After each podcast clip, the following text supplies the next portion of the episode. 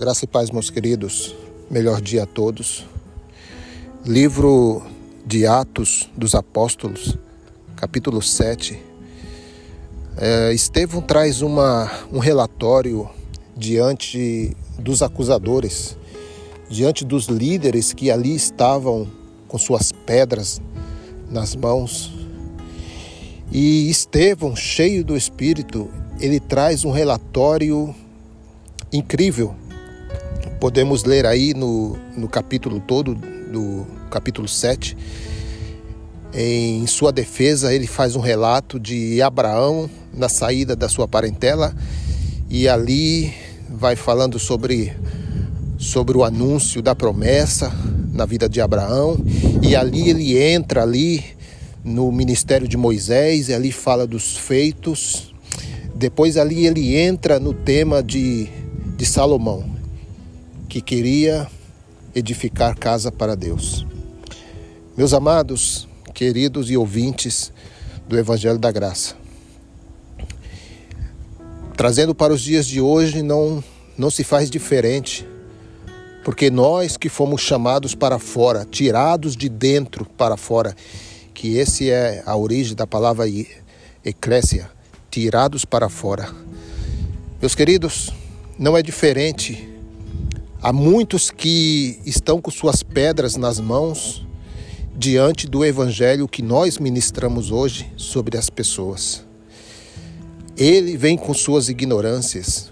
Os líderes da época com suas pedras e com sua ira, com a sua raiva, com a inveja que ele tinha de ver Estevão cheio do Espírito Santo, anunciando com intrepidez a palavra. E eles estavam com suas pedras porque eles não queriam ouvir as verdades.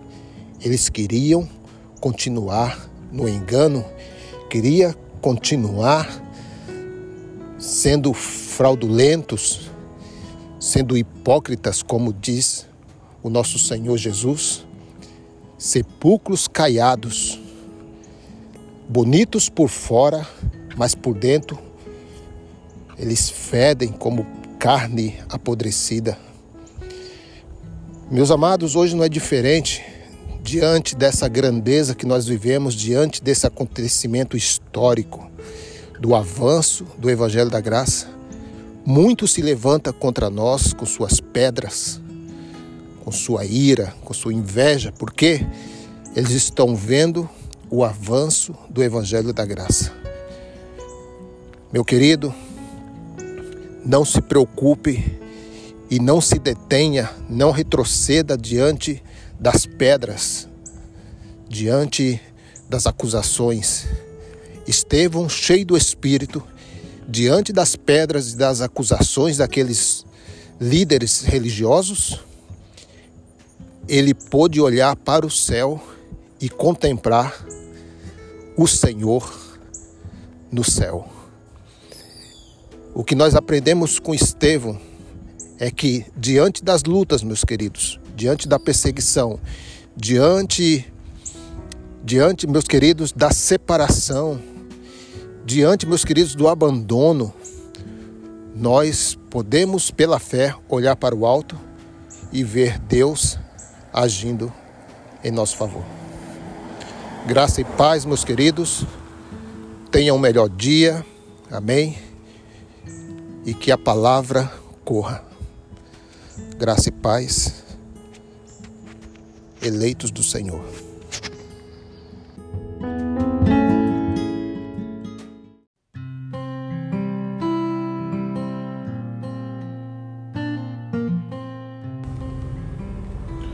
Olá, meus amigos. Melhor dia a todos, graça e paz. Os queridos, gostaria de compartilhar com os irmãos amados, eleitos, predestinados em Cristo. É, carta de Paulo aos de Éfeso, a igreja que se reúne em Éfeso, capítulo 3. Eu gostaria de convidar os irmãos a ler aqui a partir do verso 1 que diz assim: Por esta razão eu, Paulo, o prisioneiro de Cristo Jesus, por amor de vós, gentios, Se é que tendes ouvido a dispensação da graça de Deus, que para convosco me foi dada, como pela revelação me foi manifestado o mistério, conforme acima em poucas palavras vos escrevi. Pelo que, quando ledes, podeis perceber a minha compreensão do mistério de Cristo, o qual em outras gerações não foi manifestado aos filhos dos homens, como se revelou agora aos seus santos apóstolos e profetas pelo Espírito.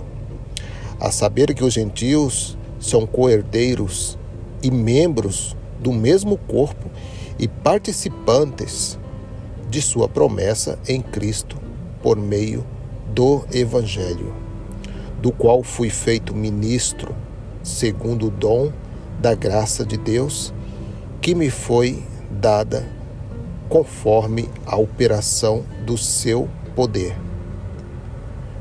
A mim, o mínimo de todos os santos, me foi dada esta graça de anunciar aos gentios as riquezas inescrutáveis de Cristo e demonstrar a todos qual seja a dispensação do mistério que desde o princípio do mundo esteve oculto em Deus, que criou todas as coisas por meio de Jesus Cristo, para que agora, manifestada pela Igreja aos principados e potestades nas regiões celestes, a muniforme sabedoria de Deus segundo o eterno propósito que propôs em Cristo Jesus, nosso Senhor, no qual temos ousadia e acesso em confiança pela fé dele.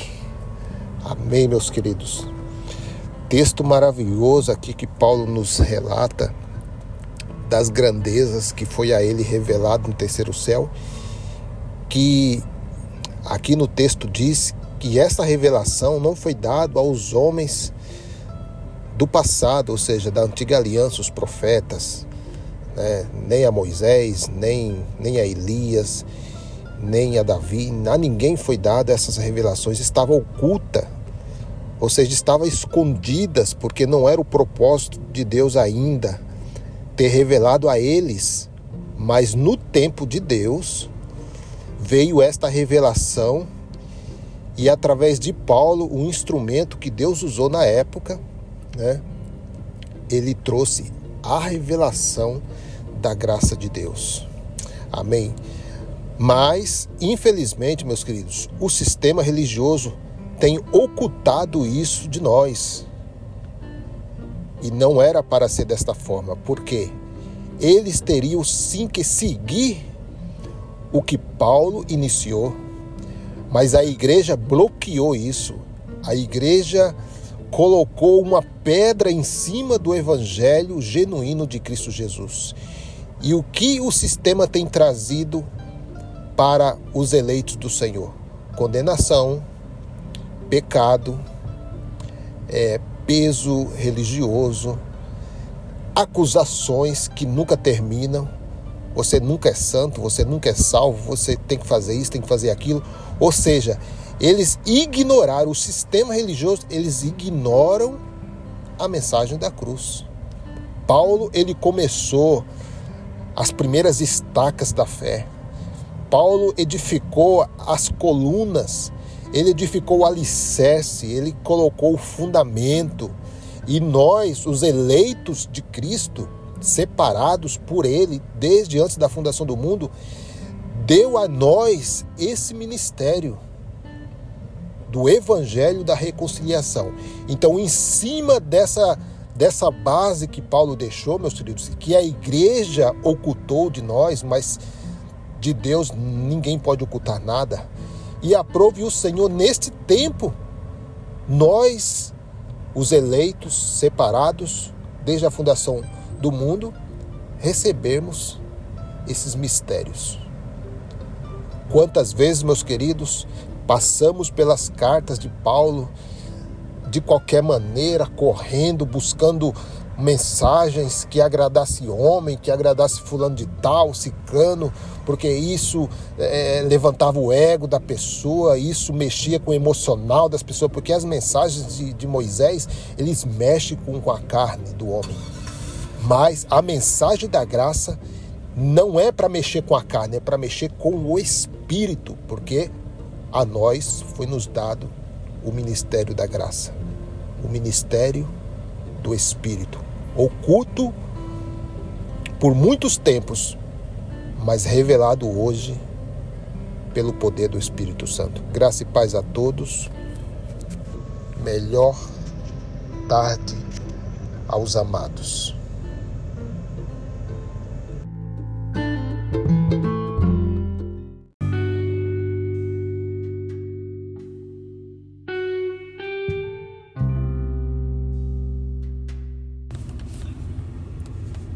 Bom dia, meus irmãos, graça e paz a todos, melhor dia. A reflexão de hoje que eu trago aos amados está relatado no profeta Jeremias, capítulo 31, e convido os irmãos a, a ler a partir do verso 31 acerca de um novo pacto, uma nova promessa que Deus está fazendo.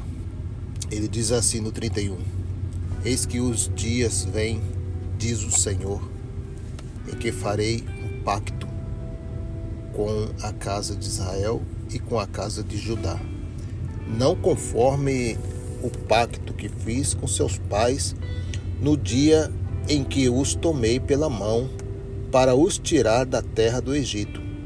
Esse meu pacto que eles invalidaram, apesar de eu os haver desposado, diz o Senhor. Mas este é o pacto que farei com a casa de Israel. Depois daqueles dias, diz o Senhor, porei a minha lei no seu interior e a escreverei no seu coração. E eu serei o seu Deus e eles serão o meu povo. 34. E não ensinarão mais cada um a seu próximo, nem cada um a seu irmão, dizendo: Conhecei ao Senhor, porque todos me conhecerão, desde o menor deles até o maior, diz o Senhor. Pois lhes perdoarei a sua iniquidade e não me lembrarei mais dos seus pecados. Glórias a Deus. Meus queridos, uma leitura tremenda. E interessante, meus queridos, uma coisa que me chama a atenção aqui no, no, no, no 31, que ele cita duas, duas tribos aqui, né? Veja só que ele diz que fará uma nova aliança com a casa de Israel, né? Quer dizer, todo o povo, todo o povo é, separado, e também com a casa de Judá. Por quê? Quem que veio da tribo de Judá? O nosso Senhor Jesus. E de onde veio a graça? Do Senhor Jesus. Após a ressurreição, ele tem um encontro com Paulo, né? E ele revela a Paulo a mensagem da graça. Então, isso mostra, meus queridos, que Deus, ele sempre buscou estar com o povo. Sempre buscou estar perto da sua criação. Isso nos mostra que nós temos um Deus zeloso, um Deus que independente das nossas dos nossos deslizes, das nossas falhas, é um Deus que sempre busca estar perto. Sempre busca ter com misericórdia com nossa vida, sempre busca nos perdoar. E o interessante, meus amados, e muito aqui diz: Este pacto farei, o 33, o verso 33. Este pacto farei com a casa de Israel depois daqueles dias, diz o Senhor. Porém, a minha lei no interior. O que está, meus queridos, no nosso interior? No nosso interior está o Espírito.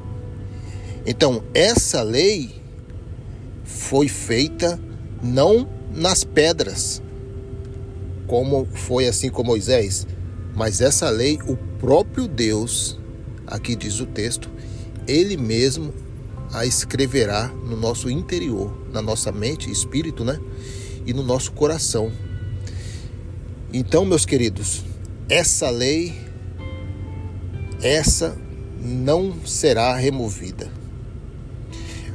Outra coisa também que chama atenção aqui é o verso 34. E não ensinarão mais cada um a seu próximo, nem cada um a seu irmão, dizendo: Conhecei ao Senhor, porque todos me conhecerão. E isso nós estamos vivendo esses dias, meus, meus amados. Nós estamos é, vendo o abrir dos olhos, nós estamos vendo a revelação da graça chegando na mente das pessoas e isso não vem de homens. É o próprio Deus abrindo nosso entendimento. É o próprio Deus nos mostrando a revelação da palavra. É o próprio Deus nos tomando pela mão, meus queridos. Aqui diz: Porque todos me conhecerão. Amém? Todos quem? Todos os predestinados. Todos aqueles que o Senhor aprove antes da fundação do mundo ter nos eleito ter nos elegido nele. Meu querido, essa palavra é fiel. Essa palavra é fiel. E toda a palavra de Deus não volta atrás. Veja o que diz aqui o verso 34 no final do versículo. Diz o Senhor: Pois lhes perdoarei a sua iniquidade. Perdoarei por quê? Porque estava a caminho o sacrifício. Porque quando o profeta menciona essas palavras, ainda não estava acontecendo o grande evento da cruz. Mas após o, o evento da cruz, a morte do Messias, o resgate, né? o nosso resgate, nós fomos resgatados das trevas e transportados para a luz do seu amor. E ele diz ainda: E não me lembrarei mais dos seus pecados. Meus queridos, Deus está dizendo que ele não se lembrará mais dos nossos pecados. E o que nós vemos por aí? Homens é, intitulado pastores dizendo para a, a igreja perfeita de Cristo que temos pecados. Temos pecados. Meus queridos, há uma diferença, e eu quero fechar, há uma diferença entre o pecado original e as obras da carne. Eles estão atribuindo uma coisa em cima de outra. Porque o que o que o homem pratica hoje não é mais o pecado de separação e condenação. O que o homem aplica hoje à sua natureza carnal são as obras da carne. E ele fazendo isso, ele comete pecado contra ele mesmo e contra o próximo. E aí entra a lei da semeadura. Mas dizer que por causa de um deslize, que por causa de uma falha sua, você perder a salvação, isso vai de contra a palavra de Deus. Graça e paz, melhor dia.